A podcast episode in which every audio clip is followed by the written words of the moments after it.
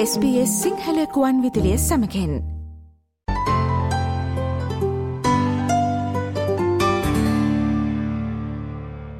මේ ගෙවීගෙන යන්නේ national ඇඩොප්ෂන් week හෙවත් නැතම්ම නීත්‍යානුකූල ලෙස දරුවෙකු තමාගේ වශයෙන් හදා වඩා ගැනීම සම්බන්ධයෙන් වන ජාතික සතය කිව්වොත් නිවැරදි. ඉතින් ඔක්තෝබර් මාසේ පළමුවැනිදා සිට හත්වැනිදා දක්වා යෙදෙන මේ සතියට සමගාමීව ශ්‍රී ලාංකික දරුවෙකු ඔස්ට්‍රේලියාවේ වෙසෙන්නෙකුට නීත්‍යානුකූල ලෙස දරුකමට හදා වඩා ගත හැකිද සහ ඒ සම්බන්ධයෙන් ඔස්ට්‍රේලියාවේ පවතින නීති පිළිබඳව තමයි අද දවසේදී අපි SBS සිංහල සේවෙන් කතා බහ කරන්න කල්පනා කරේ. මේ සඳහා අපත් සමග දැන් සම්බන්ධ වෙලා සිටිනවා ක්වීස්ලන්ත ප්‍රාන්තයේ සොලිසිටර්වරියක වශයෙන් කටයුතු කරන සන්තෝෂි වටපුළුව. ආයුබෝවන් සුබ උදෑසනක් ඔබට. සුබ උදෑසනක් නිපුණා. හොඳයි සන්තෝෂ් මහත්මිය දැන් මේ දරුවෙකු දරුකමට හදා වඩා ගැනීම සම්බන්ධයෙන් ඕස්ට්‍රේලියාවේ මොන වගේ ක්‍රමද මොන වගේ ආකාරද පවතින්නේ කියලා මුලින්ම අවධානය යොමු කරමු. ඔව් නිපුණා. මේ සම්බන්ධයෙන් විකල්ප කීපයක් තියෙනවා. එකක් තමයි ගෘහස්ත දරුකමට හදා ගැනීම. අපි ඒකට කියන ඩොමෙස්ටික් ඇඩොප්ෂන්. අනිත් එක තමයි අන්තර් රට දරුකමට හදා ගැනීම. අපි ඒකට කියන ඉන්ටර් කන්ට්‍රි ඇඩොප්ෂන්. මේක තමයි ගොඩක්ම ජනප්‍රිය. තුන්වෙනි එක තියෙනවා ස්ථීර රැකවරණය, පර්මනන්ට් කෙයාර්, ගාඩියන්ෂිප් එකක්. අනිත් එක තමයි දරුවෙකුගේ බාරකාරත්වය රැගෙන දරුකමට හදා ගැනීම. අපි ඒකට කියනවා ගාඩියන්ෂිප් කෙයාර්. දැන් ඔස්ට්‍රේලියාවේ ගොඩාක් ජනප්‍රිය වෙලා තියෙන්නේ ඉන්ටර් කන්ට්‍රි ඇඩොප්ෂන්. අපි ඒකට කියන අන්තර් රට දරුකමට හදා ගැනීම. මේ වගේ අන්තර් රට දරුකමට හදා ගැනීම යටතේ දරුවෙකු හදා ගැනීමට ඔස්ට්‍රේලියාවේ බැඳිලා තියෙනවා රටවල් 13ක් මේකට අයිති වෙනවා. ශ්‍රී ලංකාවත් මේකට හවුල්කාර වෙලා තියෙනවා. මේක ගොඩාක්ම වෙන්නේ මේ ඔස්ට්‍රේලියාවේ මේ රජය හැම විටම අවධානය යොමු කරන්නේ දරුවාගේ යහපත සඳහා. එතකොට මේ ළමයි ඉස්සලාම බලන්න ඕනේ ඉල්ලුම් කරන පුද්ගලයා එයාගේ ප්‍රාන්ති ජීවත් වෙන නීති රීති අනුව අවශ්‍යතාවන් සපුරන්න පුළුවන්ද කියලා. ඊට පස්සේ ඒගොල්ලන්ට අවස්ථාවක් දෙනවා මේ රටවල් 13න් රටක් තෝරලා බලන්න. ඒ රටේ තියෙන නීති රීති වලට ගැලපෙනවා නම් එතකොට ඒගොල්ලන්ට පුළුවන් ඒ ඉල්ලුම් පත්‍රයක් දාලා ඊට පස්සේ ඒගොල්ලෝ ඒ රටේ තියෙන රීති රීති අනුව වැඩ කරලා ඒ දරුවා හදාගන්න අවස්ථාව ලබා ගන්න පුළුවන්.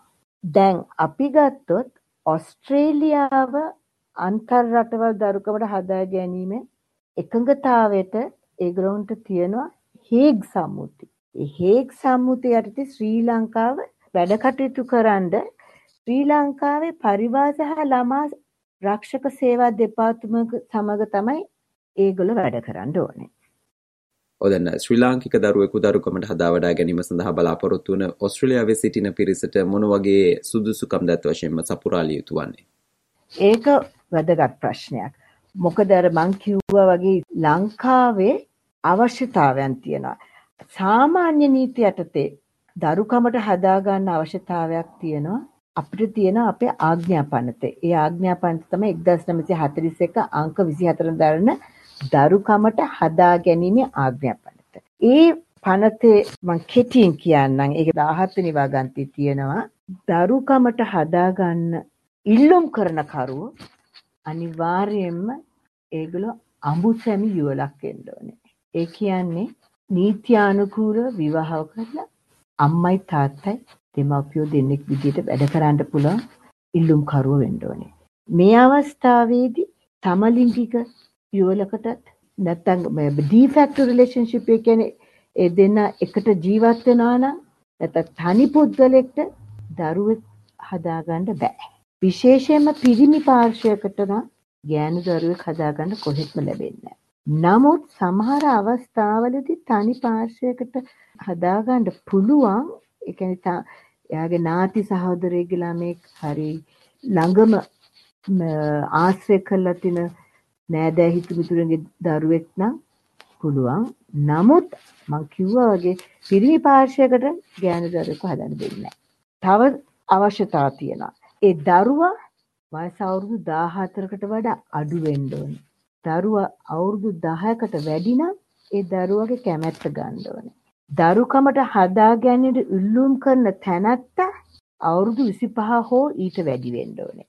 ඊට පස්සේ මේ අවශ්‍යතාවන් සපුරලා පස්සේ අධිකරණයෙන් නියෝගයක් ගන්න ඕනේ. ඒ කියන්නේ දිසා අධිකරණ නඩුවක් පවරලා ඒ අධිකරණ නියෝගයක් අනිවාර්යෙන් ගන්න ඕනේ. ඒ නියෝගය ගත්තන් පස්සේ කරන්න තියෙන වැඩ කටයුතු තියෙනවා. ඒ රෙජිස්ට්‍රාර් කන්තෝරට ගිහලා ළමයාගේ උපැන්න සහතිකය ලබාගෙන ඒ වැඩ ටික කරන්න ඕනේ. ඒවා ඔක්කොම මේ පනත අනුව තියෙනවා. නැත්තම් ඊට වඩා අවශ්‍ය උපදෙස් ඕනේ නම් ළමා පරිවාස දෙපාර්තමේන්තුවට ගිහලා ඒ සෑම විස්තරයක්ම ලබා ගන්න පුළුවන්.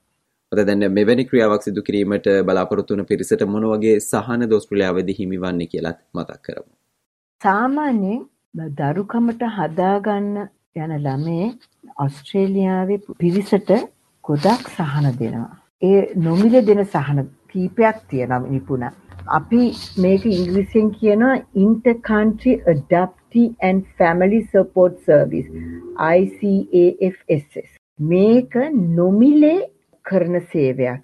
ඒ කියන්නේ ඒගොල්ලන්ට උපදෙස් දෙනවා. ඒ කියන්නේ අපි කවුන්සලින් කියලා දෙනවා. ඒතර ඒගොල්ලන්ගේ මේ දරුවා සම්බන්ධයෙන් කරන්න ඕනේ වැඩපිළිවෙල මොනවද කියලා ඒ කාර්යය ඒගොල්ලෝ බාර අරන් ඒක පිළිවෙලක් වෙනතුරු ඒගොල්ලන්ට අවශ්‍ය ඔක්කොම මානසික සුවය ශාරීරික අවශ්‍යතාවයන් ඒ ඔක්කොම ඒගොල්ලන්ට කියලා දෙනවා. අනිත් එක සමහර අවස්ථාවලදී මේ දරුව දරුකමට හදාගන්න ඒ දෙමව්පියන්ට වෙන වෙන ළමයි ඉන්න පුළුවන්. ඒ ළමයි එකතු වෙලා ඒ ළමයි එක කොහොමද මේ ජීවත් වෙන්නේ? එන ඔක්කොම ප්‍රශ්න සමහර විට ඒවා निराකරණය කරන්න කොහොමද ඒවා ඔක්කොම මේ පවුල් වලට ලබා දෙනවා. ඔදැන් දරුවා සම්බන්ධයෙන් කතා කරොත් ශ්‍රී ලංකාවෙන් රැගෙන එන මේ දරුවා සැපිරිය යුතු අවශ්‍යතා තියෙනවද එහෙමනම් ඒ මොනවද සන්තෝෂ මහත්මයා?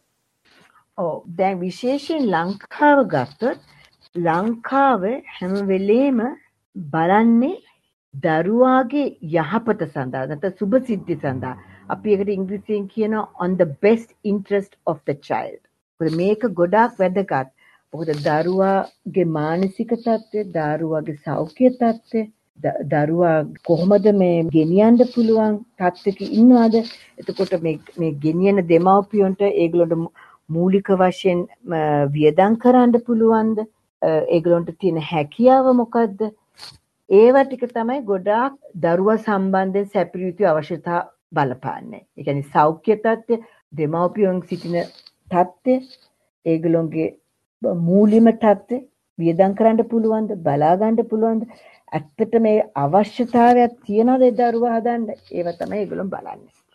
ඔදැන් යමෙකුට ඇතිවෙන ප්‍රශ්නයක් තමයි මේ වැනි ආකාරයේ ක්‍රියාවක් සඳහා මොන වගේ වියදමක් දැරීමට සිදුවේවිද කියන කාරණාව අපි ඒ ගැන සඳහනක් කරමු. ඒක හොඳ ප්‍රශ්නයක් නිපුණ මොකද මේ මොනවා කරන්න වුණත් අන්තිමට වියදම් කරන්න හැකියාවක් තියනවද කියන එක අනිවාර්යයෙන්ම ඉස්සලාම ඒක බලන්න ඕනේ. මොකද සාමාන්‍යයෙන් දල වශයෙන් කිව්වොත් ඇමරිකානු ඩොලර් 2000ක් නැත්නම් 2500ක් අතර වියදමක් යනවා. එතකොට අපි කියමුකෝ මේ ලංකාවේ දරුවෙක් ඕස්ට්‍රේලියාවට කියනවනම්. ඒ ගේන දෙමව්පියෝ ඒ ගේන පුද්ගලයා ඒගොල්ලොන්ට දරන්න වියදම් තියෙනවා. ගමන් වියදම් ටිකට් වලට එතකොට ඒගොල්ලොන්ට අවශ්‍ය ඒගොල්ලොන්ගේ ලියකියවිලි ඉංග්‍රීසියට පරිවර්තනය කරන්න. අමතර වියදම් ඒවට ලෑස්තිලා ඉන්න ඕනේ. මොකද වියදම් කියන එක සමහර අවස්ථාවලදී එක එක විදියට වෙනස් වෙන්න පුළුවන්. හැබැයි අවම වශයෙන් ඩොලර් 2000ක් හරි 2000 ඇමරිකන් ඩොලර් 2000ක් හරි 2500ක් අතේ තියෙන්න ඕනේ. හොඳයි එමනම් අවසාන වශයෙන් මම කැමති ඔබෙන් දැනගන්න දැන් මේ ආකාරයෙන් හදා වඩා ගැනීම සිදු කරන දරුවාට ඕස්ට්‍රේලියාවේදී ස්ථිර පදිංචිය ලබා ගැනීම සඳහා මොන වගේ ක්‍රියාපටිපාටියක්ද අනුගමනය කළ යුතු වන්නේ කියලා. ඔව් ඒ කියන්නේ ලංකාවේ මේ උපත දරුවා අනිවාර්යෙන් අධිකරණ නියෝගයක් ලැබිලා ඊට පස්සේ ළමා පරිවාස නිවාසෙත් ඒක රෙජිස්ටර් වෙලා ඒ සියලුම වැඩ කටයුතු කරලා පස්සේ ආගම විදුන දෙපාර්තමේන්තුවට ගිහිල්ලා පාස්පෝර්ට් එකක් ගන්න. ගමන් බලපත්‍ර ගන්නවා. එතකොට එයාට ඔස්ට්‍රේලියාවට එන්න අවශ්‍යතාවයක් තියෙනවා. ගේන්න ඕනේ. ඒ එවැනි අවස්ථාවකදී ඒ දරුවට වීසා බලපත්‍රයක් ලැබෙනවා. ඒ අපි වීසා බලපත්‍රේ සබ් ක්ලාස් 102 ඒ කියන්නේ ඇඩැප්ෂන් වීසා එකක් කියලා කියනවා. ඒකෙන් ඒ ළමයාව නීත්‍යානුකූලව රැගෙන එන්න පුළුවන්. ඊට පස්සේ ඔස්ට්‍රේලියාවට ආවෙන් පස්සේ ඒ ළමයා ජීවත් වෙන ප්‍රාන්තය යනවා. අපි දැන් ක්වීන්ස්ලන්ත ප්‍රාන්තයට ආවත් හරි. ඒ ක්වීන්ස්ලන්ත ප්‍රාන්තයේ තියෙන අවශ්‍යතාවය අනුව දරුකමට හදාගන්නේ කොහොමද කියන ඒ ඒ නීති රීති අනුව ඊට පස්සේ පුළුවන් අවශ්‍ය පියවර අරන් එයාට පුරවැසිභාවය ලබන්න කටයුතු කරන්න පුළුවන්. මේ සෑම දෙයක්ම නිපුණ පියවරක්ම සවිස්තරව විස්තර කරනවා අපි අන්තර්ජාලයට ගියොත් ඒකේ තියෙනවා inter country adoption australia කියලා වෙබ් අඩවියක් තියෙනවා. ඒ වෙබ් අඩවියට ගියාම සෑම පිළිතුරක්ම සවිස්තරව තියෙනවා.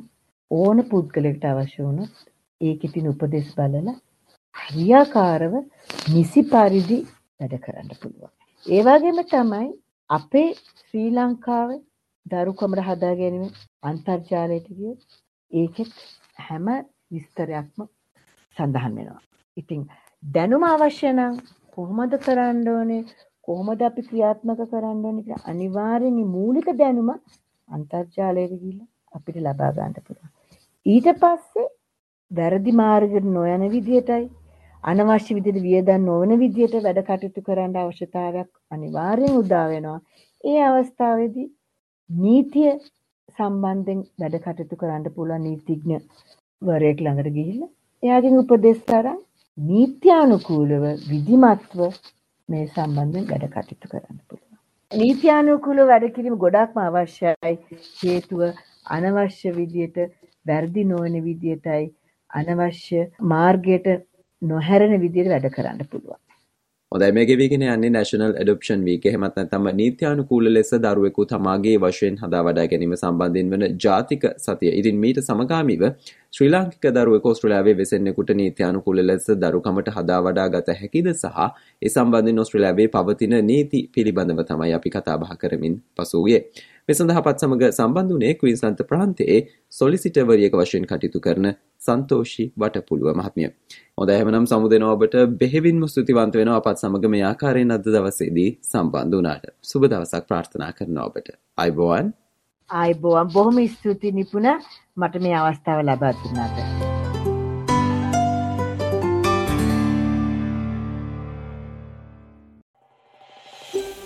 මේ වගේ තවත්තොරතුරු දැනගන්න කැමතිද. එහමනම් Apple podcast Google podcast Spotify ඔබගේ පොඩ්කාස්ට ලබාගන්න ඕනෑම මාතයකින් අපට සවන්දය හැකේ.